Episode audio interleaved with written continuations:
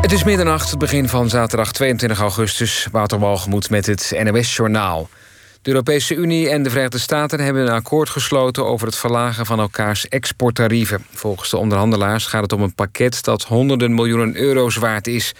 De VS verlagen de tarieven op onder meer kant-en-klaargerechten... kristalglaswerk en sigarettenaanstekers met 50 procent. De EU schaft de heffingen af op kreeftproducten... Afgelopen jaren liepen de exporttarieven tussen de EU en de VS juist op. Onder meer vanwege ruzie over Europese subsidies voor vliegtuigbouwer Airbus. Bij een botsing tussen twee auto's op een dijk op Goeree-Overflakkee... zijn afgelopen avond twee doden gevallen. Twee andere inzittenden raakten gewond. Eén auto kwam na de botsing tegen een boom terecht, de andere in de sloot. De oorzaak van de botsing is nog onduidelijk. Een carnavalstichting in Geertruidenberg in Brabant zet vanwege de coronacrisis een streep door het carnaval volgend jaar februari. Volgens de voorzitter is het beter om daarover nu al een besluit te nemen, omdat de voorbereidingen voor de praalwagens voor de optocht al in volle gang zijn. Het besluit geldt niet voor Raamsdonksveer en Raamsdonk, de andere twee kernen van de gemeente Geertruidenberg. De carnavalsorganisaties in die dorpen willen carnaval in aangepaste vorm wel door laten gaan. Sevilla heeft de Europa League gewonnen. De Spaanse ploeg won in Keulen met 3-2 van internationale uit Italië. Mede dankzij twee doelpunten van Luc de Jong. Het is de zesde keer in de geschiedenis dat Sevilla de Europa League wint. Bij Inter deed Stefan de Vrij mee... en de finale werd gefloten door de Nederlandse scheidsrechter Danny Makkely. Het weer nog, vannacht neemt de bewolking toe. In het westen kunnen ook wat buien vallen, mogelijk lokaal met onweer. Het koelt vannacht af naar ongeveer 18 graden. Overdag wisselen zon, wolken en een paar buien met de onweer elkaar af. Het waait stevig, het wordt dan ongeveer 23 graden. Dit was het NWS Journaal. NPO Radio 1. VPRO. Nooit meer slapen.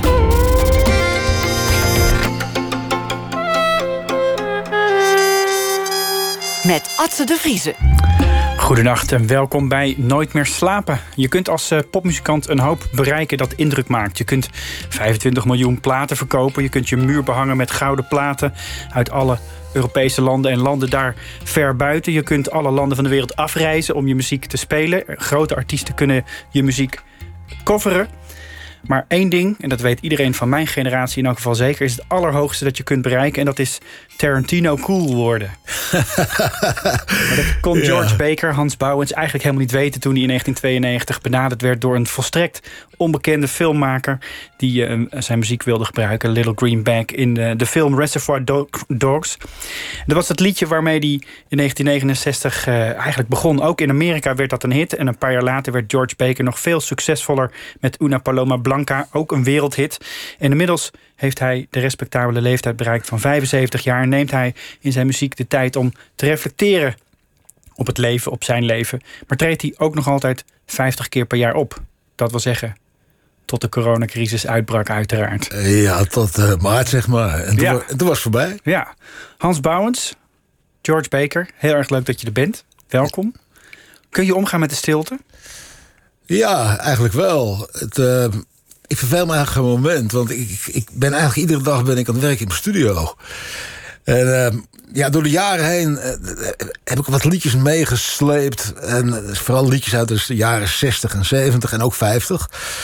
Waarvan ik altijd dacht van nou, die wil ik nou eigenlijk nog, nog een keertje opnemen. Gewoon. Het zijn allemaal covers dus. En de meeste zitten wat in de, in de Americana-hoek. En dat ben ik nu aan het doen. Ik, uh, ik, en ik vermaak me prima, jongen. Dat is zo ontzettend leuk om het te maken, alleen al. En ik weet echt niet wat ik ermee ga doen. Of het ooit een plaat wordt of geen plaat wordt. En dat maakt me ook niet zoveel uit. Want uh, ja, het houdt mij op een, op een geweldige creatieve manier gewoon bezig. Zijn dat liedjes die je moesten rijpen of was je te druk om ze op te nemen? Want als je het hebt over Americana, dat is ook, het is, past ook bij je leeftijd om bepaalde soort liedjes op een bepaalde manier op te nemen, toch? Ja, nou ja, kijk. Uh, het, het, het, het, kijk, het zijn liedjes, dat zei ik al, die heb ik mijn hele leven lang meegesleept. Vanaf mijn 14, van, toen ik 14 was, kwam ik voor het eerst in aanraking met de muziek van Johnny Cash, uh, Merle Haggard en noem maar op, al die, klassieke countryhelden. En uh, ja, ik had daar gewoon geen tijd voor. Ik had geen tijd om dat, uh, om dat op te nemen. En vooral in de jaren zeventig niet. Want toen was opnemen ook nog een tamelijk dure bezigheid. Studio's waren duur, grote studio's. Maar nu ik zelf een studio heb, ja, heb ik de tijd ervoor gewoon. Dus, ja. dus ga ik het, doe ik het ook. Ja, ik, ik vind als ik terugluister naar je allereerste platen, de eerste paar, dat je ook echt een countryzanger was in die tijd. Ja, het zat, er, het zat erin. Toch? Ja. Op zijn minst 30 procent. Ja, nee, je, moet, je moet het zo zien. Ik, ik, ik groeide op in, een, in, in Horen, in Volksbuurt. En wij woonden in een heel oud huis bij mijn oma en opa. Met mijn moeder samen en ook nog een oom. En mijn moeder en mijn oma die hielden van, van volksmuziek, volkse Nederlandse muziek dus gewoon. En opera en operetten. Maar ja, die volksmuziek was eigenlijk Nederlandse country. Zo moet je dat eigenlijk wel zien. En, uh, maar mijn oom, die hield dan weer uh, meer van jazz. Dus de Stan Getz en, uh, en Al Garner en Louis Armstrong en, dat soort muziek gewoon. Dus ja, ik werd eigenlijk, daar werd ik bij dood gebombardeerd. Dus dat, dat zat allemaal in mijn hoofd en dat kleine kopie. En, en dat is later eigenlijk allemaal uitgekomen. Dus ook, ook die, die, die, Hollandse volkse invloeden gewoon, wat eigenlijk country is. Dus daar komt het wel een beetje op neer. Ja, precies. Ja, ja. Daar moeten we het zeker zo over hebben. Maar ik wil toch even terug naar die Tarantino. Uh, en wel omdat daar mijn pad met jou uh, begon. Uh, want ik ben een kind van de jaren negentig. En er is een periode geweest dat ik elke zaterdagavond voordat ik uitging, dat ik 16 was, 17 was, keken wij Pulp Fiction of Reservoir Dogs. Een van de twee, afhankelijk van welke we de week daarvoor hadden gekeken. Dat was echt een fenomeen. En daar zat natuurlijk een van jouw liedjes in. Ja. Als openingsscène in een van die ja, iconische films. Ik, ik kan mij niet voorstellen dat je op dat moment beseft hebt dat dat zo'n iconische film zou worden. Helemaal niet. ik zou je vertellen, ik kreeg een, uh, het was 92 en toen kreeg ik een telefoontje van mijn, van mijn uitgever. Dus. Hij zegt, ja, Lille Green Back zit in een film van, uh, toen moest hij even nadenken. Eh, van een zekere Tarantino. En ja, niemand had ooit van die man gehoord hier in Europa natuurlijk. Ik ook niet. En dus ja, nou, ik zeg leuk. Wat moest ik anders zeggen, weet je wel. En, maar ja, ik was toch nieuwsgierig. Dus ik heb die film toch op de kop weten te tikken. En, uh, die moest je ergens importeren waarschijnlijk. Ja, die moest ik importeren, dat klopt. Het was een videoband. En ehm, ja, ik vond het een geweldige film. Want die film deed bedenken aan de aan de B-films. Uh, of zondagmiddag in de bioscoop. Ik ging zondagsmiddag altijd in de bioscoop gewoon met een vriendje. En dan, en dan gingen we naar. Ja, je had toen zo'n zo'n held, die heette Eddie Constantine. En dat waren, dat waren een beetje dat soort films ook eigenlijk gewoon. Reservoir Dogs was natuurlijk vele malen beter. Het, maar, het, het, is, dat heb je goed gezien, want daar, daar is natuurlijk zijn hele oeuvre... Ja. een ode aangebleken aan die, aan die B-films ja. op zaterdagmiddag in de bioscoop. Ja, geweldig. Ja, maar ook een soort cowboy-achtige actie, ja, natuurlijk man. veel geweld. Ja, ja nee, ik, ik vond het groot. Dat, dat, dat zal ik je vertellen. Echt. Uh, ja, toen kwam natuurlijk Pulp Fiction. En dat werd natuurlijk een, echt een, een, een, een, blockbuster, kun je wel zeggen. En daardoor kwam er ineens een enorme belangstelling voor Reservoir Dogs. En ik denk dat er iemand wakker geworden is. En die dacht, ja, dat liedje dat, uh, komt toch uit Holland vandaan. George Baker. Ja, en toen begon het eigenlijk voor mij helemaal opnieuw. Want ik was eigenlijk al van plan om een beetje... Een beetje om het optreden, dat werd wat minder allemaal. En ik denk, ja, ik heb een leuke studio... en ik ga wat meer, meer liedjes schrijven... wat meer op de achtergrond gewoon wat dingen doen. Nou, ik zou je vertellen, dat jaar deed ik dus 350 optredens... alleen door die film van Tarantino, dat kun je je voorstellen. En als ik je nou nog meer uitleg wat voor impact dat nog meer heeft gehad... Uh, het liedje is ongeveer verschenen in 30 à 40 commercials dus over, over, de, over de hele wereld. Na die tijd, allemaal na, na die film. Allemaal na die film gewoon. Dat is echt niet te geloven. Dat is, is begon met een, een, een, een Japanse whisky commercial. Waardoor het liedje ook hoog in de hitparade kwam in Japan. En, uh, en je daar weer kon gaan optreden? Uh, ja, nee, ik, ben, ik, ben, ik heb daar nooit opgetreden. Ik, ik, had daar een andere filosofie over, maar dat komt straks wel. Maar ja, dat zeg ik. Het, het, het, het was gewoon, dat jaar was gewoon gigantisch gewoon. En uh, ik zei vertellen, ik besefte dat voor het eerst... toen ik moest optreden op het filmfestival in Rotterdam. En ik met mijn domme hoofd dacht nog... wat moet ik eigenlijk op het filmfestival doen, weet je moest ik dus vijf keer Lille Green Back zingen achter elkaar. En ja, toen besefte ik wel van, eh, ja, dit gaat los. Dat kan niet anders. Het is natuurlijk niet, niet een bepaald een, eh, een nugget uit je, uit je oeuvre. Het was, echt, het was in die tijd ook al een hit voor je, een, Ja, een, doorbraak. En Ja. ook een nummer waarvan ik me kan voorstellen dat in 1969, toen het daarmee begon, dat je eigenlijk geen idee had wat er gebeurde. Nee, helemaal niet. Ik, ik, ik moet zeggen, ik, ik heb ook wat van die beelden die op YouTube natuurlijk allemaal zo mooi te vinden zijn. En als je er naar kijkt en je ziet jou en de band eromheen. En je ziet, en ik vind dat echt mooi om te zien. Er zit een soort naïviteit in waarvan je denkt, ze zijn beland op een plek waarvan ze geen idee hebben wat er allemaal aan de hand is. Wij belanden op een andere planeet. Toch? ja, natuurlijk man. Ik bedoel, de jongens, daar waren er ook een paar bij die studeerden. Een paar bij die werkten. Ik zat, eh, werkte op, achter de lopende band op een limonadefabriek. En eh, ineens ja, werd die plaat, die, dat werd een hit. Die werd het, eerst gedraaid door Veronica. En die steeg eigenlijk als een gek in de, in de Nederlandse hitparade. Ja, dat was natuurlijk al prachtig, want hadden dat beentje. Dus wij konden dan veel meer optreden natuurlijk ook. Maar die plaat werd niet alleen in, in, in Nederland hit, maar bijvoorbeeld ook in Italië, eh, Turkije. En toen kwam er een man uit Amerika vandaan die een klein labeltje had. Dat was meneer Jerry Ross. En die had het labeltje heette Colossus. En die was nogal eh, gecharmeerd van de Nederlandse beatmuziek. Dat- Waarom eigenlijk? Want er is genoeg beatmuziek gemaakt in Amerika. Ja, maar dat klonk anders. Die, Nederlandse beatmuziek had toch een, een totaal eigen sound gewoon.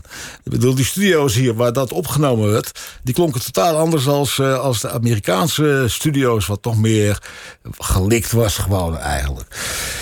En... ehm, dus die man die, die, die nam drie plaatjes mee naar Amerika. Dat was My Bellamy van T-Set. eh, Venus van Shocking Blue, wat zelfs nummer 1 gekomen is. En Lillick in Back van de George Baker Selection.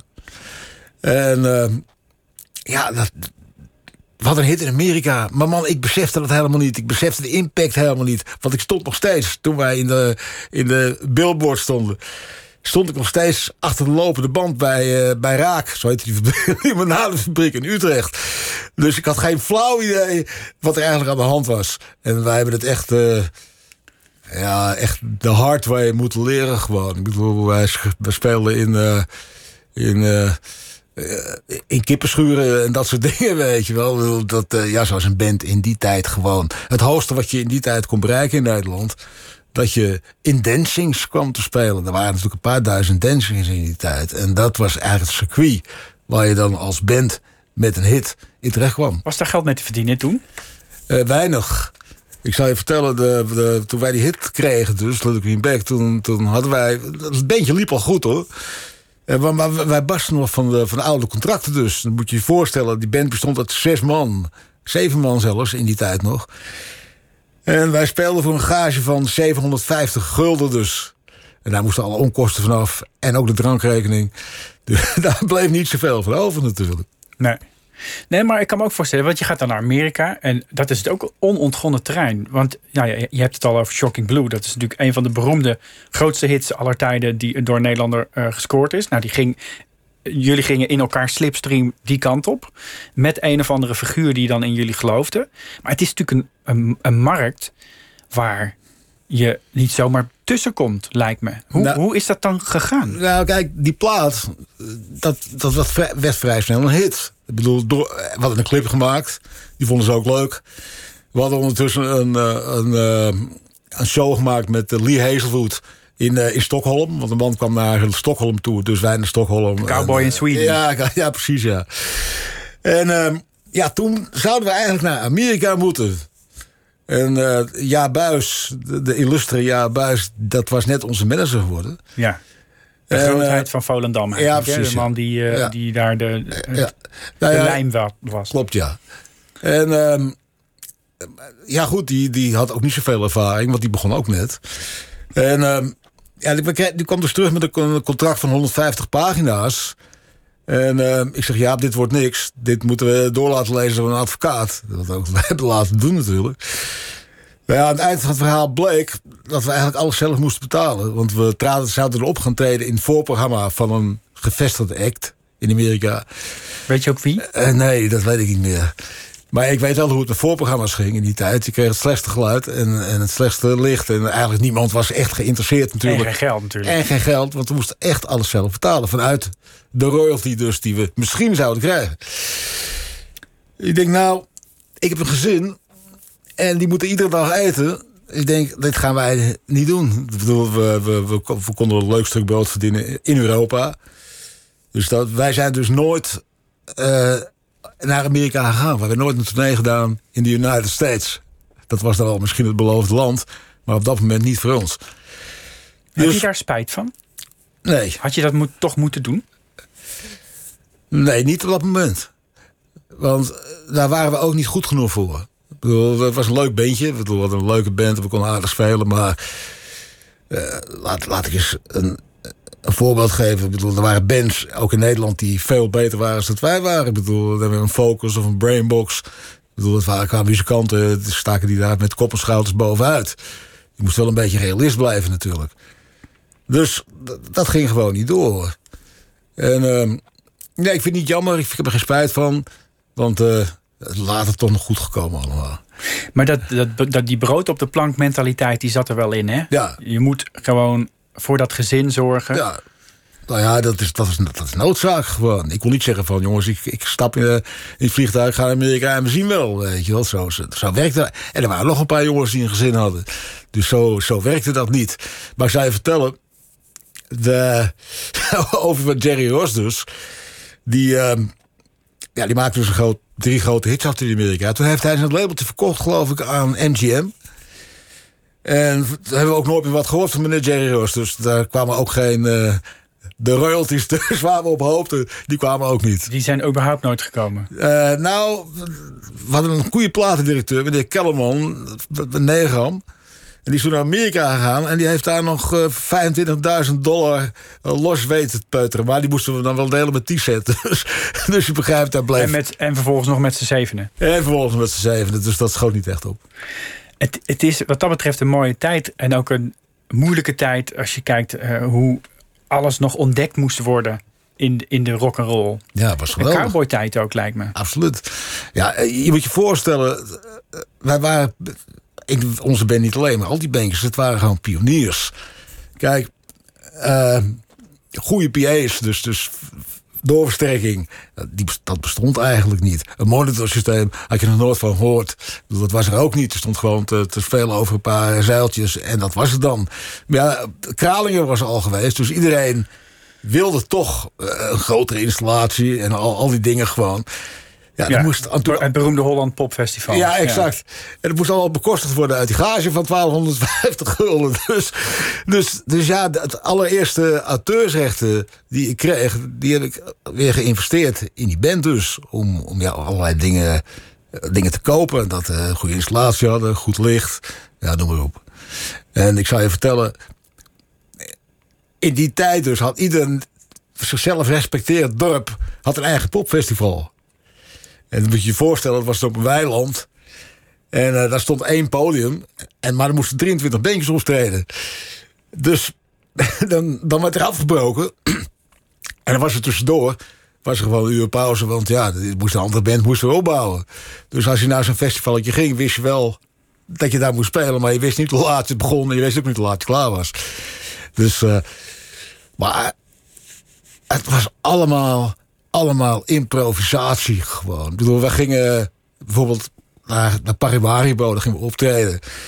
En dan traden we op in, in, in, in een bioscoop. Dat was dan de, of buiten. En ik weet nog wel dat we buiten op moesten we zelf een stroomleiding moesten we aanleggen. En dan uh, gingen om acht uur s'avonds... dan gingen al airco's aan, die viel de stroom uit. En ik weet nog wel, ik dacht, jee, we staan hier echt voor joken, weet je wel. Die stroom uitgevallen. Maar die mensen pakken uh, relaxe tasjes, had een kippetje in, wat te eten. Die gingen lekker zitten eten gewoon. Dat was normaal. Dat was helemaal Je wachtte gewoon tot het weer aanging en dan ging Ja, wacht gewoon tot de stroom weer ging dan gingen we gewoon weer verder. Ja, want we, we zitten natuurlijk nu in een hele rare tijd. Want alle, die enorme infrastructuur die de afgelopen 40, 50 jaar opgebouwd is... dat je niet meer hoeft druk te maken als artiest... of die stroomkabel er nou uitvliegt of niet. Nee. Die enorme infrastructuur die we in Nederland hebben... ligt er ineens uit. En dan besef je ook eigenlijk hoe, wat er eigenlijk allemaal opgebouwd is in die in die, in die periode, in die tijd? Want je hebt het natuurlijk ook onder je neus zien veranderen. Ik kan me ook voorstellen dat als je vijf, zes jaar later Una Paloma Blanca scoort, dat de wereld er alweer anders uitziet. Ja, eh, natuurlijk. Kijk, wat, zoals de hele business nu in elkaar steekt, is natuurlijk niet meer te vergelijken met, uh, met de jaren 60, de jaren 70. Uh, neem alleen al het feit al dat, dat ja, eerst had je de, de, de single. En toen kwam de, LP in zwang, dus je ging LP's verkopen. Toen kwam de CD, ik bedoel, verkocht hetzelfde repertoire nog een keer op CD.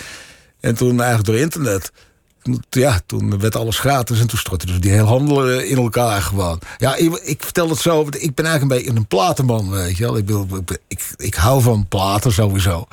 En dus ja, ik vind dat gewoon, persoonlijk vind ik dat ontzettend jammer. Dat dat, uh, dat, dat teloor is gegaan dus. Want ja, daar hing ook een bepaalde, wat moet ik zeggen, een bepaalde romantiek omheen. Als je een plaat ging kopen dan uh, ging naar de platenwinkel en er waren altijd wel een paar gelijkgestemde zielen waarmee je ging praten over muziek. En dan was, zat je zomaar een paar uur zat je, zat je in die platenzaak. En dan kwam je terug en dan had je van je, van je zakgeld of weet ik veel wat... had je een LP gekocht en die ging dan thuis draaien. En die plaat die werd niet achter elkaar afgedraaid, want die moest je omdraaien. Wat, wat een heel goed ding was trouwens. Nou ja, en nu met streaming, ik bedoel, het is makkelijk. Ik bedoel, je haalt druk op de knop, haal je alles in huis. Maar daardoor is het ook een beetje, een beetje behang geworden eigenlijk. Dat, dat vind, ik, vind ik gewoon erg jammer. Met die, die romantiek van de, van de rock and roll en van de platen en van het van de, eigenlijk ook een beetje het houtje touwtje begin dat het was. Ja. Ik, ik, als ik je, je zo beluister, is eigenlijk die romantiek ook veel belangrijker nog dan die brood op de plank. Absoluut. Het was wat dat betreft, denk ik, ook een soort vuur wat je nodig had om, je, om je leven zin te geven, als het ware. Jezus man, het was. Iedere optreden was in principe een, een, een avontuur.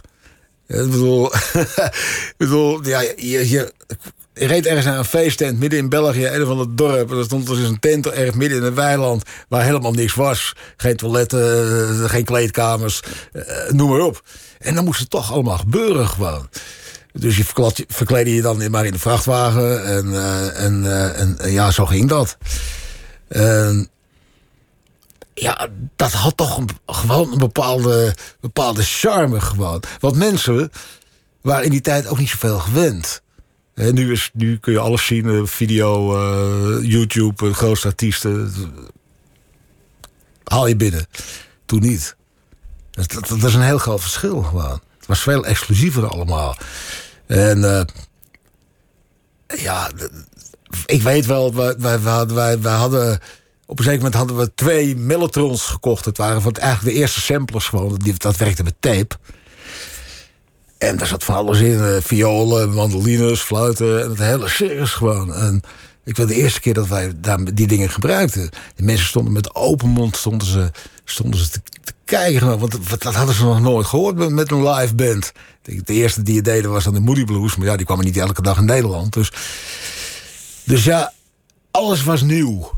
Het is maar een klein ding wat ik nu zeg, maar alles was gewoon nieuw. Ik bedoel, gingen op tournee, gingen we naar Italië... en dan ging je met een, met een hele oude Mercedesbus en een hele oude Chevrolet... En ik weet nog wel dat we, dat we de, de Brennerpas over moesten. En dan liep de bus warm. En dan eh, sleepten we die met die Chevrolet naar boven. Er was een Chevrolet warm. En dan gingen we verder met de bus. En dan trok die Chevrolet weer verder. En zo kwamen wij in Italië aan. Dus. Dat is ook een beetje hoe het moest zijn. Hè? Dat, dat, dat rock'n'roll virus was wat dat betreft redelijk uh, jong natuurlijk nog. Ja. Ik zat eens terug te rekenen. Jij bent uit 44, uit de oorlogswinter. Daarmee ben je eigenlijk net geen boomer. Nee. En eigenlijk ook net iets ouder dan de meeste muzikanten die in de jaren 60 uh, uh, doorbraken. Um, want ik kan me voorstellen dat jij het allereerste begin van de rock roll, zeg maar de doorbraak van Elvis, wat toch wel een van je grote helden is, denk ik, ja. dat je dat ook echt, echt nog bewust hebt meegekregen. Ja, nou kijk, Elvis was eigenlijk, als ik een oudere broer had gehad, was dat zijn ding geweest, zijn, zijn muziek. Die had dat dan bewuster meegemaakt als ik het meegemaakt heb. Want ik, ja, was je net te jong nog? Ik was 1958, nou, ik was 14. Kan dus, net, toch? Ja, dat kon, nou, Elvis was precies, denk ik nog iets eerder. Maar Kijk, Nederland was een beetje een eiland. Want die muziek werd hier absoluut niet gedraaid. Op de radio. Ja, rock'n'roll, dat was uh, de muziek van de duivel. Dus dat, dat kon je wel vergeten. Dus ik kwam eigenlijk met eerst met Elvis in aanraking door. Uh, ik had een klein radiootje en dan stemde ik af op Radio Luxemburg op de AFN, de American Forces Network in, Duitsland. En daar hoorde je al die muziek gewoon.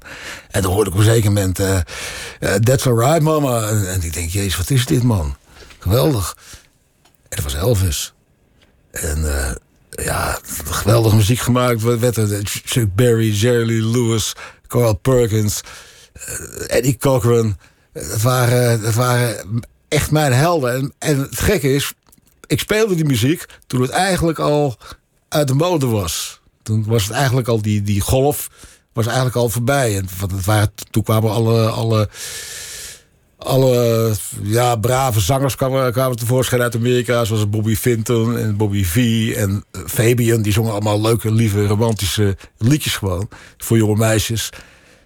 Maar ja, ik zat nog met mijn hoofd uh, in die rock'n'roll gewoon. In hoeverre speelde het een rol in jouw leven dat die rock'n'roll kwam op een moment dat jij, jij ook weer een nieuwe fase in je eigen persoonlijke leven inging? Je groeide op met je moeder en je opa en oma, die op een gegeven moment een paar jaar na elkaar, eigenlijk toen je nog veel te jong was, uh, allebei overleden. Ja. Waren mensen die heel veel voor je betekenden. Ik kan me voorstellen dat die rock'n'roll daar ook een rol in speelt. Ja, nou, nou kijk, eigenlijk... Het, het, keerpunt was voor mij toen we verhuisden eh, van Horen naar de Zaanstreek. Ja, en, omdat je moeder hertrouwde. En mijn moeder hertrouwde. En die man die werkte bij, uh, bij Westzaan. Het was een, een veevoerfabriek. En uh, wij verhuisden naar Wormerveer. Waar ik helemaal geen trekking had. Want ik vond Horen hartstikke leuk. Maar dat is een ander verhaal. Maar uh, ik ging daar naar, op school. De, de, de, en het was de de VGLO, het voortgezet lager onderwijs. Want dat was dan het, het onderwijs voor je, de kinderen die niet, eigenlijk niet precies wisten wat ze dan wilden gaan doen. Ik wist het wel, maar ik had, we geen geld voor die opleiding voor muzikanten en dat soort dingen. En uh, ik zat er op school en, en, en ik daar een vriendje en die, zijn vader speelde gitaar. En ik had een buurvrouw en dan heb ik een, een oude gitaar kunnen lenen. En er zat ook geen knop aan, die moest ik dan stemmen bij de waterpomptang. Maar goed, ik had drie akkoorden geleerd. En we hadden een beentje op school. En wij begonnen dus met rock'n'roll. Zo is het eigenlijk begonnen. drie, drie akkoorden en drie, de duivel, hè? Drie, dat akkoorden, is... en, drie akkoorden en de duivel, daar komt het wel een beetje op neer. Ja. En uh, ja, wij speelden op, dan op, op schoolavondjes. En, uh, en het laatste schoolreisje wat ik heb meegemaakt in mijn leven, daar speelden we dan ook. Dus ja, toen is het virus eigenlijk geplant, zo moet je het zien.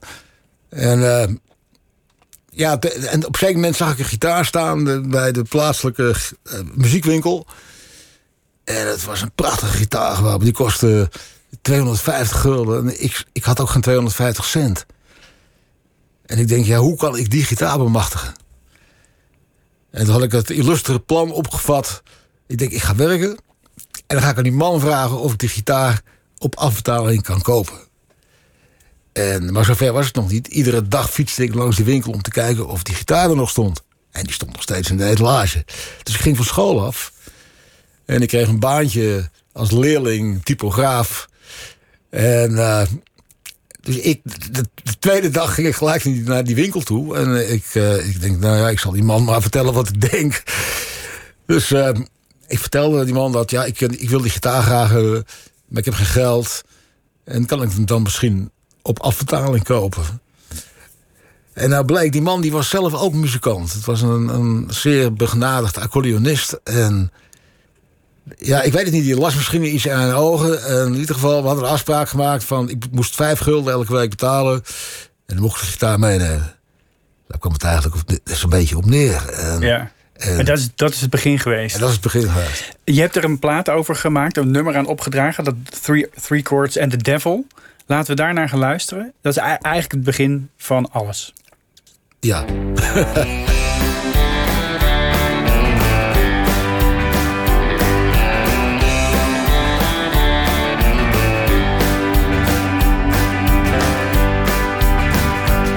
Last night I found a picture of a boy with dreamy eyes. playing an old jazz guitar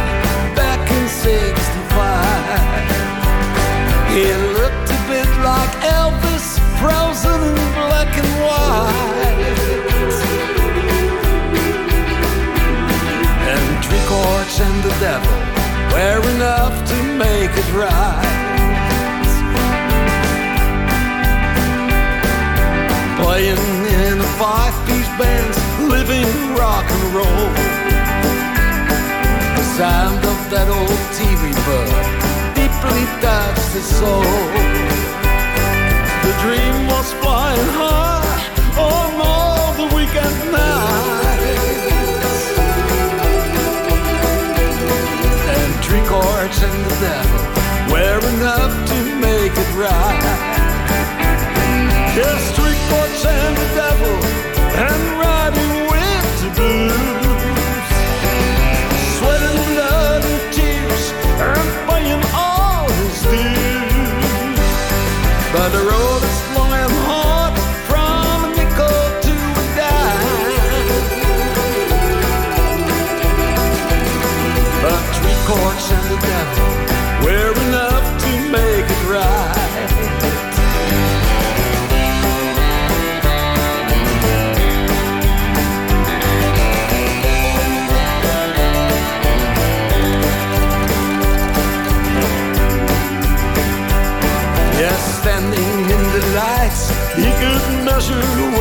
best.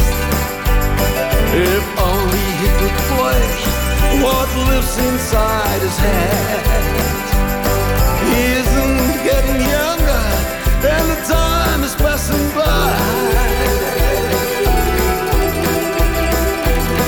But three chords and the devil are enough to make it right. Yes, three chords and the devil,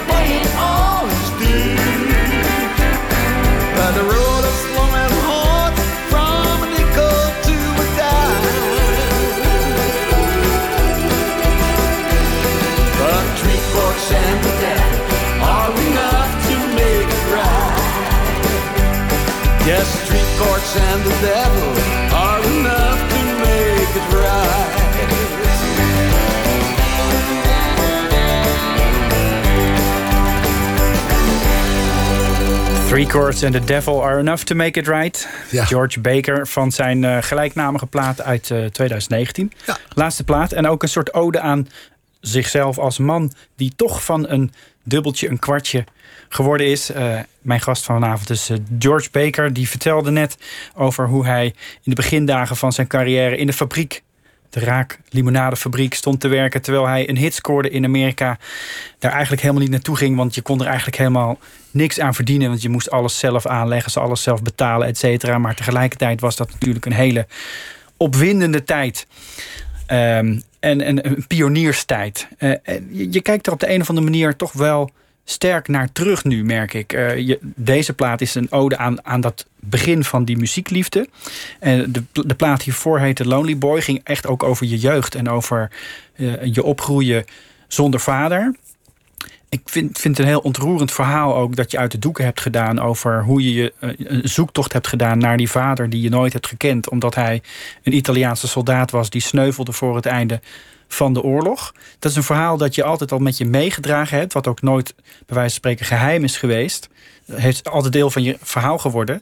Maar het is sterker naar voren gekomen in je liedjes en ook in die zoektocht die je gemaakt hebt voor, eh, voor dat andere tijdenprogramma. Het is een heel ontroerend verhaal. Is, dat, is dat sterker geworden in je Absoluut. in je leven? Ja, als je ouder wordt, dan ehm, komt dat allemaal weer boven gewoon. Dat, dat, ja, dat, dat, dat is gewoon zo. Al die, die, die gevoelens die je had toen je, toen je, laat ik maar zeggen, toen je jong was. Dat eh, komt op de een of andere manier, eh, vooral nu in een tijd dus, wa- waar eigenlijk weinig te doen is, waar, waar je ook veel tijd hebt om na te denken, komt dat, komt dat meer boven gewoon. Maar het is natuurlijk al een paar jaar, is dat ook aan de gang natuurlijk. Eh, kijk, ik ben natuurlijk 75, dus Gerard Joling zou zeggen, ja, ik heb mijn meeste brood wel gegeten. En het is natuurlijk ook zo. Eh, mijn toekomst ligt min of meer in het verleden. Dat, dat, ja, dat is nou eenmaal zo. Dat, dat, eh, dat is het leven. En eh, ik vind het ook niet erg hoor. Ik bedoel, is een hele natuurlijke, natuurlijke gang van zaken gewoon. Maar, en dat je dat herbeleeft op de een of andere manier is ook niet zo vreemd. Omdat je toen in een enorme, in een enorme roes zat. Ik bedoel, die, dat begin van die hele succesperiode met, eh, met George Baker's selectie... wat ongeveer eh, tien jaar heeft geduurd. Ja, dat, Dat ging zo snel. dat ging zo ontzettend snel. Je dat had je ook op een gegeven moment besloot om er even uit te stappen. Je Ja, bent bedoel, je had- naar Spanje. Ja, je had, je had geen, geen tijd om er, überhaupt ergens over na te denken. Gewoon. Het was, iedere dag was er iets nieuws. Ik bedoel, dus maandag stap je in het vliegtuig, ging naar Italië... en dan ging je dinsdag weer terug en dan woensdag stap je in een ander vliegtuig. Dus ja, daar, daar, je had dan geen tijd voor reflectie. Dat heb ik eigenlijk pas gehad het eerste jaar eh, dat ik in Spanje woonde. En toen ik in Spanje woonde, toen dacht ik, ja, ik wil graag weer muziek maken gewoon. En ik wil graag weer optreden. Maar dan wel op, op een andere manier. Eh, in, in mijn tempo. In dat ik ook tijd heb om over dingen eh, gewoon om erover na te denken. En, en, en, ook kunnen zeggen van dingen van, ja, dit doe ik beslist nooit meer. Dus Wat bijvoorbeeld? ja, dat, dat kan ik zo niet zeggen, joh. Dat, dat, dat, dat zijn dingen die zo opkomen, maar. eh, ja, dat, dat weet ik niet. Zo eh, helemaal uit mijn hoofd. Maar er waren ook in die tijd vast dingen waar ik ontzettend hekel aan heb en die ik nooit meer gedaan heb. Nee. Maar, dat verhaal van je vader en die zoektocht... eh, heeft dat, heeft dat een, een belangrijke rol gespeeld in het type muziek dat je bent gaan maken? Die diep melancholische muziek?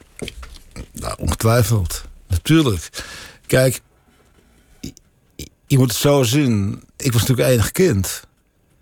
En we woonden in een, in, een, in een, buurt met veel kinderen. Maar die gingen op een gegeven moment allemaal verhuizen naar, naar zoals dat nu de nieuwe buurt. Er werd een enorme nieuwbouw gepleegd die tijd. Iedereen groeide als het ware door. Ja, maar ik bleef Ja. achter.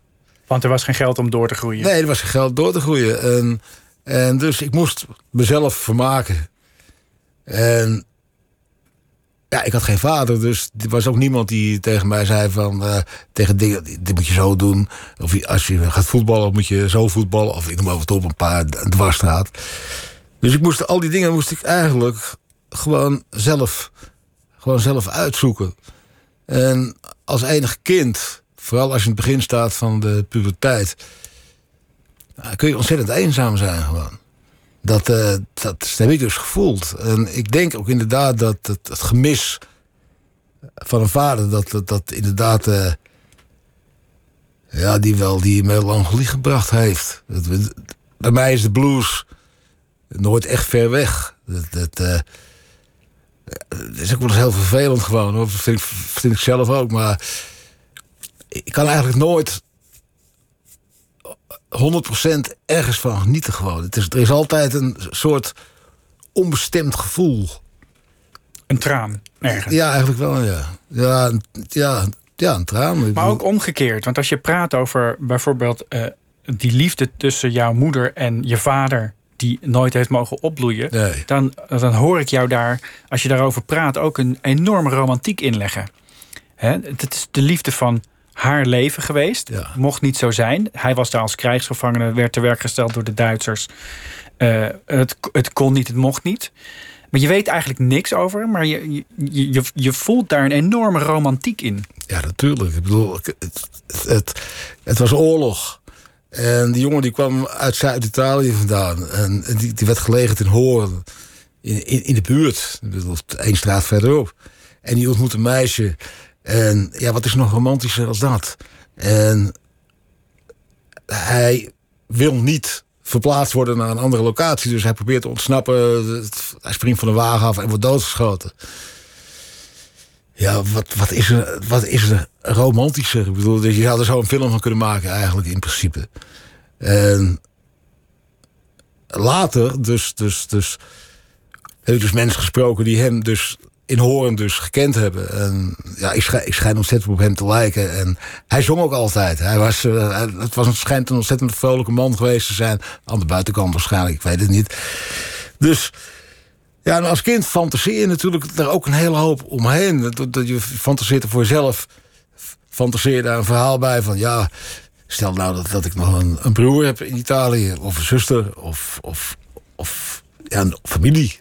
Had je ook altijd als je in Italië speelde, want jullie werden succesvol met George Baker Selection daar. Had je daar een, apart gevoel bij? Ja, zeker. Het is, eh, het is, eh, ik weet wel de eerste keer dat ik naar Italië ging met een band. dacht ik, nou, hoe, bestaat het gewoon dat ik, dat, ik, eh, dat ik hier kom waar mijn vader vandaan gekomen is? En, want ja, dat was natuurlijk heel wonderlijk. Het- hij kwam daar vandaan en, en ja, ik kan, ik kan het gevoel kan ik niet uitleggen. Ik, bedoel, ik kan niet zeggen wat dat precies is. Maar het was iets van. van, van of, of er een bal rond was. Begrijp Ik bedoel, het was iets, het was iets, iets rond. klopte, ja, ja. iets klopte Ja. er gewoon. Ja. Er zit ook een bepaalde soort van eh, Zuid-Europese melancholie en, en ook muzikale invloeden in die George Baker Selection. Dat heeft daar ongetwijfeld ook mee te maken dan. Ook bijvoorbeeld de filmische klanken van Ennio Morricone, die Ja. pas overleden is. Dat hoor je gewoon terug in, in jouw producties. Ja, dat zal wel ongetwijfeld het Italiaanse bloed zijn gewoon. Dat, dat, dat kijk, enige invloed van, eh, van Fico Toriani is ook niet, eh, niet mis geweest. In, in het jaar of acht had je... eh, ken je Fico of niet? Nee, die ken ik niet. Ja, Fico Toriani was een, een, een Zwitser-Italiaanse zanger. En die had allemaal zoete liefdesliedjes. En die maakte ook films. En, ehm, maar die gebruikte allemaal altijd de mandoline. En, en ook de, de fluitjes en de accordeonnetjes en dat soort dingen gewoon. En ik ging naar die films. Ging ik een jaar of acht was, denk ik, en zo. De verhalen stelden niks voor. Maar ik vond die muziek, die had wel iets gewoon. Dat, dat, op de een of andere manier was het, hadden we een connectie. Dus ik ben zeker schatplichtig aan, aan Italiaanse muziek. Althans, Italiaanse muziek uit de, uit de 50, 60 jaren gewoon. En ja, je had ook, ook op de radio had je, de- had je, was er muziek zeker ontzettend populair. Was de elektrische was net, was een band die heette Mario Marini. Dat kan ik nog heel goed herinneren. Werd ook op Hilversum gedraaid trouwens. Was hele brave muziek. Dat vond ik eigenlijk ook wel te pruimen gewoon. Dus ja, die invloeden komen absoluut daar vandaan. Dat staat eh, vast. Maar daarnaast ook ja, de invloeden dus van de rock and roll en de country. Dus, dus, het is er allebei. Ja. Je bent dus opgevoed grotendeels door je moeder, ook door je grootmoeder. Voor een belangrijk deel dus door vrouwen. Je zegt zelf al, die invloed van die mannen, die miste je wel eigenlijk. Ja.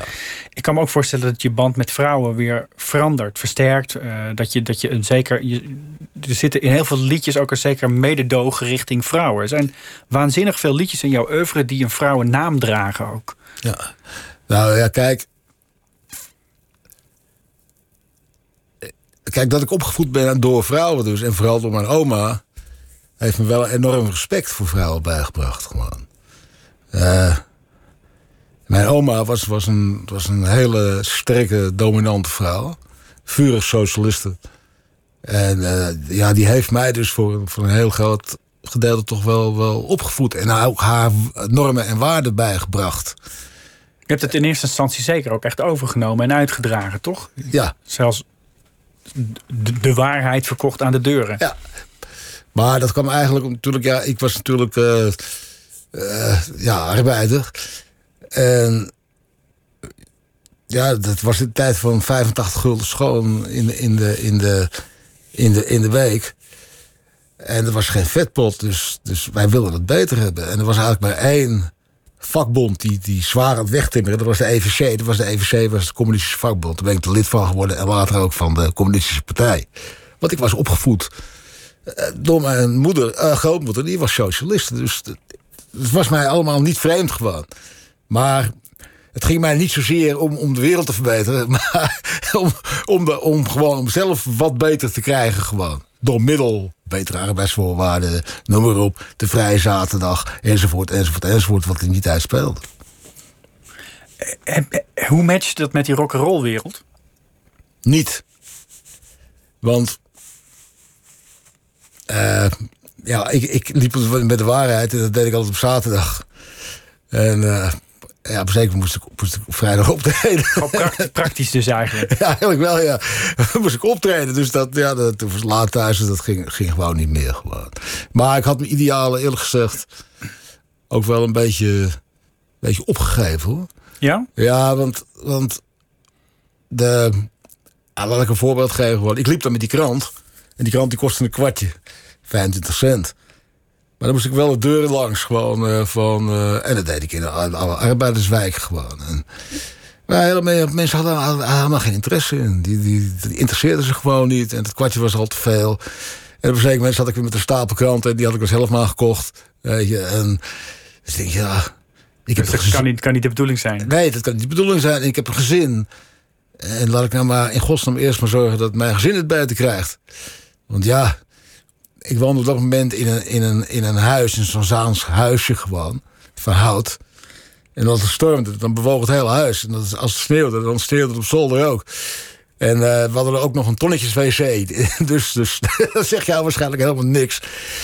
maar het sanitair was niet eh, wat het nu is. Dus ik denk, ja, laat ik nou eerst maar eens proberen om, eh, om, om onszelf bovenop te krijgen. En misschien dat, dat ik dan nog wel eens daarna de wereld kan verbeteren. Of niet. We hadden het net helemaal aan het begin had je het over volksmuziek. Ja. En toen zei je al, daar komen we straks op terug. Nou, dat, eh, daar zijn we bij deze. Is wat jij je hele leven gemaakt hebt, zou je dat volksmuziek willen noemen? Mm, ja, eigenlijk wel. Ja, Ar- dit- arbeidersmuziek. ja nou ja. volksmuziek, Ja, dat vind ik dus een hok. Kijk, kijk, dat het niet alleen maar voor arbeiders is, is wel gebleken. Want ik, ik had natuurlijk een miljoenen publiek. Dus daar zat, en daar zat van alles tussen. Ja. Maar het, het, het, het is eenvoudig. Ik bedoel, het is recht op de man af. Teksten zijn nooit, er zitten geen moeilijke woorden in.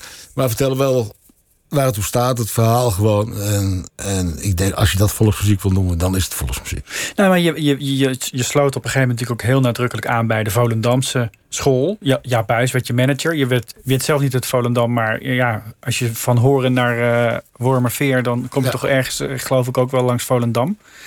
Dat werd op een gegeven moment ook eh, een beetje smalend palingsound genoemd. Dat is volgens mij een term waar je niet zoveel van, eh, Nou, die waar je palen- niet blij van wordt. Ja, maar er is wel een zeker iets in, die, in dat geluid van bands als The Cats en later BZN, waar je ook veel voor geschreven hebt. Wat verband heeft met jouw muziek, toch? Nou, het is familie van elkaar, absoluut. Maar het palingsound, dat is een kreet die Willem Verkoten heeft, eh, heeft uitgevonden. Eh daar had mijn muziek niet zoveel mee te maken. Ik- eh, het voorbeeld van de palingsound is voor mij altijd de Cats geweest. Ja. Met een melancholieke gitaartje en, en prachtige samenzang van die jongens. En- Maar dat maakte jij toch ook? Heel melancholisch. eh, ja, maar anders. Mandoline. Ja, maar dat, de sound was, toch, was totaal anders gewoon. Ik bedoel, ik, ja, dan moet je de dingen, twee dingen naast elkaar leggen natuurlijk, om dat precies uit te leggen. Maar ik had gewoon een ander geluid, omdat het op een andere muziek gestoeld was. Begrijp je? Ik bedoel, mijn traditie was anders, denk ik, als de traditie van de muzikanten op Volendam. Maar het had ook wel weer met elkaar te maken. Ja, door de. Het ligt 20 kilometer van elkaar af. Hoorn en Volendam. Dus zo, Ja. zo verschillend is het nou ook weer niet. Waarsch- Waarschijnlijk hoor jij eerder de verschillen. En als je met een blik van veraf gaat kijken, zie je misschien meer de overeenkomsten. Als in, ja, je muziek lijkt, heeft meer gemeen met de Cats dan met Jimi Hendrix, bij wijze van spreken. oh ja, zeker, natuurlijk. Kijk, kijk, Jimi Hendrix dat is gebaseerd op elektrische gitaar. En eh, dat is mijn muziek dus niet. Mijn muziek is veel akoestischer. eh, hij heeft melodie. Veel meer melodie als de- natuurlijk de muziek van Jimi Hendrix. Maar de, het, het, het bijt, ja, het bijt elkaar niet. Nou ja, sorry, ik, ik, ik, ik denk nooit zo in, in, in hokjes, weet je, met muziek. Het is eh, dat ik gewoon in mijn jeugd heel veel muziek heb gehoord. En allerlei soorten dingen gewoon. Voor mij is gewoon muziek. Het paste allemaal in elkaar en door elkaar. En Ja. Ik heb nooit begrepen dat, eh, dat, eh, dat er linkse en rechtse muziek bestaat. Ik heb nooit begrepen wat eh, als je van, van, van metallic of metal houdt, of, of hard rock of weet ik veel, dat je dat niet van de cats kan houden. Ik bedoel, voor mij kan het allebei. het verbaast mij eigenlijk dat jij nooit aan het Nederlandstalig hebt gewaagd. Omdat het eigenlijk ook bij je zou passen. Ja, nou, ik heb natuurlijk wel Hollandstalig liedjes geschreven. En die zongen dan in als demo. Zo mooi dat je het Hollandstalig noemt. Ja, ja, ja Dat is toch weer wat anders dan Nederlandstalig. Ja, ook goed. maar ja, ik vind mezelf gewoon lekker te klinken in het Engels. Ik, bedoel, ik ben natuurlijk in een tijd begonnen met Engels dat Engels gewoon de grote mode was. En het Hollandstalig, daar werd een beetje op neergekeken. En nu is dat eh, natuurlijk totaal omgedraaid. Nederlandstalig of Hollandstalig is natuurlijk eh, ja, Eerder de, De- standaard de, geworden. de standaard geworden. Ja. Maar eh, niet voor mij. En, en het is me wel eerder gevraagd hoor. Wil je niet eens een Hollandstalige plaat maken? En, maar ik dacht bij mezelf, ja. Als je op een trein stapt. Dan moet je niet in de achterste wagon eh, aansluiten. Maar dan moet je op de locomotief zitten. Of in ieder geval vlakbij. Dat je iets aanvoert. En niet, eh, en niet achterin je mee laat slepen. Omdat Hollands dan, dan toevallig in de mode is. Dus ik hou het maar gewoon bij een Engelstalige muziek. Je, wat ik toch wel mooi vind aan je omschrijving. Want je, je, muziek is zeer heel melodieus. Eigenlijk heel toegankelijk. Eh, me- mensen kunnen het allemaal begrijpen. Toch ligt die oorsprong van die rock and roll ook een beetje in die, die duivel, als het ware. hè. Je noemt het zelf, die three chords en de devil. Dat, dat schurende, dat zit er toch wel degelijk in. Ondanks dat voor die muziek dus, die je uiteindelijk ging maken... ook behoorlijk toegankelijk was. Hoe, hoe, waar raakt dat elkaar voor jou? En in hoeverre werd er bijvoorbeeld door je, door je moeder gekeken naar die rock'n'roll als iets, iets duivels? Werd dat zo gezien? Nee. Mijn moeder vond het prachtig wat ik deed. Ja. Toen ik eh 14 was en ik had een beentje, dat vond ze, vond ze schitterend. Want mijn moeder kon zeer behoorlijk zingen. En ik denk gewoon dat mijn droom ook haar droom geweest is. Ik weet dat niet zeker. Maar Heb je het nooit gevraagd? Nee. Ik denk dat zij dat misschien ook wel gewild had, maar dat zat er natuurlijk helemaal niet in. En ja, jongen, als ik, als ik aan het leven van mijn- moeder denk, gewoon dat. Ja, dan voel ik eigenlijk nog een soort kille woede dat ze nooit heeft gekregen waarop ze recht gehad. Ze heeft nooit het leven kunnen leiden, in mijn ogen dan, wat ze eigenlijk had, had moeten leiden. Dus Wat had je er gegund? eh, vrijheid. Eh, kijk, kijk toen, toen ze verkering kregen, ze kreeg mij, was het met haar vrijheid natuurlijk wel gedaan. Want, want moest, komt het weer, moest brood op de plank komen, dus moet gewerkt worden gewoon.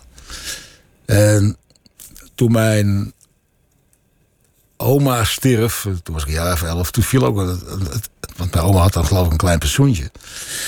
Viel ook een gedeelte van het inkomen weg, dus ik denk dat het tweede huwelijk ook wel economisch is ingegeven. Opportunistische keuze. Ik denk het wel, ja. En mijn moeder, ja, mijn moeder heeft haar dromen nooit, daardoor nooit waar kunnen maken, gewoon. En, en Heb je daar veel met haar over gesproken? Misschien ook op, toen ze ouder werd? nee, want mijn moeder die sprak daar niet over, over dat soort dingen. Die, Ook niet echt over je vader. Nee, nee maar dat, dat was te pijnlijk voor dat, dat merkte ik al heel snel. Dat, toen ik een jaar of tien was, ik, denk- toen begon ik er ook niet meer over. Want ik zag gewoon aan haar dat dat... eh, Terwijl er bij jou wel degelijk vragen zaten. ja, Wie is precies. die man? Wie was dat? Hoe zat het precies? Ja, maar, Basisvragen ook. ja, precies. Maar je kan, je kan iemand geen verdriet blijven doen. Gewoon omdat je dat zelf zo graag allemaal wil weten. Dus, dus ik heb dat gewoon laten zitten op een zeker moment.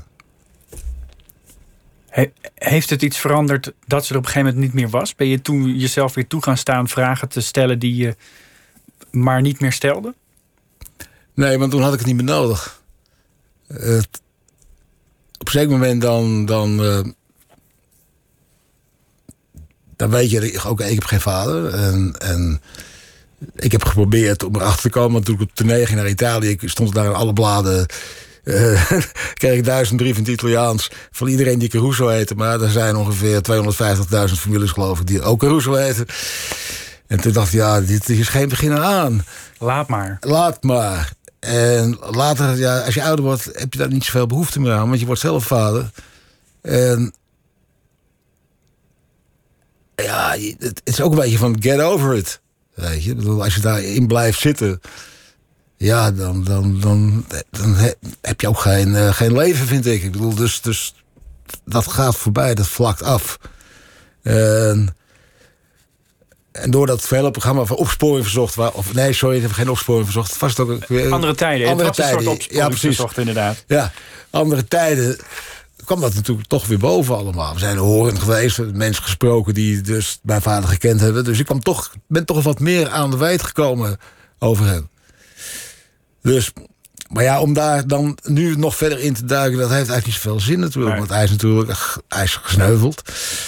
En familie zal ook wel, die zijn ongeveer nu ook 120, weet je wel. Dus, dus Laat maar. ja, precies. Laat, laat het gewoon zitten. Want het leven moet je leven zoals het, zoals het gaat. Ja, het krijgt dus wel zijn weerklank nu in, in nieuwe muziek. Ja. Eh, die, die, eh, die over hele specifieke dingen gaat. Die hier, die hiermee te maken hebben. Je bent op de een of andere manier toch ook wel weer meer muziek aan het maken. Je hebt natuurlijk die stormachtige periode gehad in de jaren 70. Toen een paar jaar niet. Toen in de jaren 80 een paar jaar weer teruggekomen. Ehm, op de een of andere manier blijf je steeds wel weer terugkeren naar die muziek. Je kan ook nu bij wijze van spreken met, eh, met de inkomsten uit die reclames en uit die, eh, en uit die royalties van al die covers die gedaan zijn ooit door eh Una Paloma Blanca, door weet ik voor wie allemaal, kun je gaan rentenieren. Ga je, dat doe je toch niet. Je blijft op de een of andere manier toch doorgaan. Ja, je kan... je kan tegen een hond zeggen... Dat, dat- je kan niet tegen een hond zeggen dat je op moet houden met hond zijn. Ik ben muzikant, ik ben zanger. Ik, bedoel, ik, ik kan niet tegen mezelf zeggen van... Ik, eh, nu ben ik geen zanger meer en, en, eh, en ik ga met pensioen. En ik, stop ermee, ik schrijf nooit een liedje meer. Dat, ja, het zit er gewoon niet in. Dit ben ik gewoon. Ik ben... Je loopt in het, op een zeker moment in je leven... dan ga je denken van... ja, waarvoor ben ik eigenlijk op deze wereld gezet? Wat was het eigenlijk het doel van het hele circus? Ja, op een zeker moment werd, was voor mij tamelijk simpel. Ik ben gewoon op de wereld gezet om muziek te maken. En eh, daarmee ook, denk ik, een hele hoop mensen plezier te doen. En ook mezelf daarmee plezier te doen. En, en, en dat is het. En dat na 50 jaar je oren het niet meer zo goed doen als die van mij, dat is niet zo erg. Ja, dat, eh, een beetje muzikantendoof. Dat, eh, ja, god jongen, die elektrische gitaren vroeger, weet je wel. Dat, eh, die stonden allemaal op elf. Dus, dus die oren zijn gewoon wat minder geworden. Maar ik heb het ondervaan, want ik zet gewoon alles iets harder. Simpel. Simpel, ja. Zou het kunnen dat nu door deze rare crisis die alles overhoop gegooid heeft, zomaar zonder dat je een keer een diepe buiging hebt kunnen maken, een einde gekomen is aan je podiumcarrière? Heb je er wel eens bij stilgestaan? Ja, daar heb ik zeker bij stilgestaan. Kijk, ik heb nu vanaf maart eh, heb ik geen optreden meer gedaan. En ik onderhoud mijn zingen wel dus gewoon in mijn studio. Maar ja, kijk, als dit bijvoorbeeld twee jaar duurt... dan wordt het gewoon moeilijk voor me. Want ik bedoel...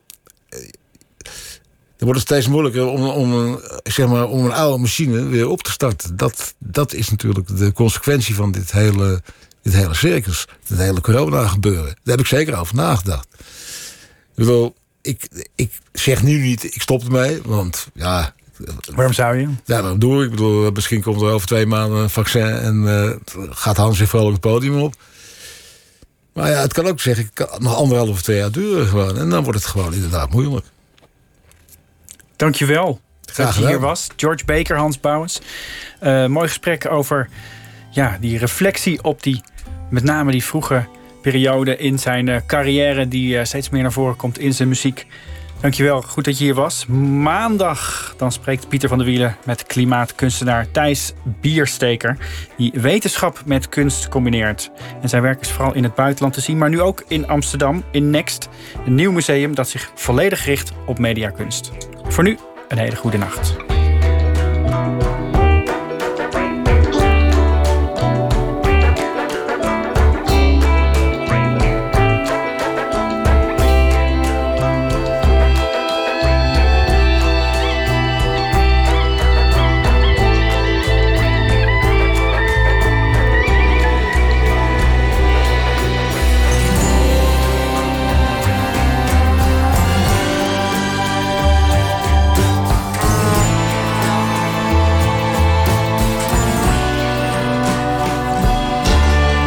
Radio 1.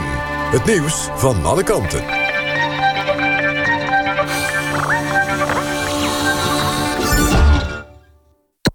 NPO Radio 1.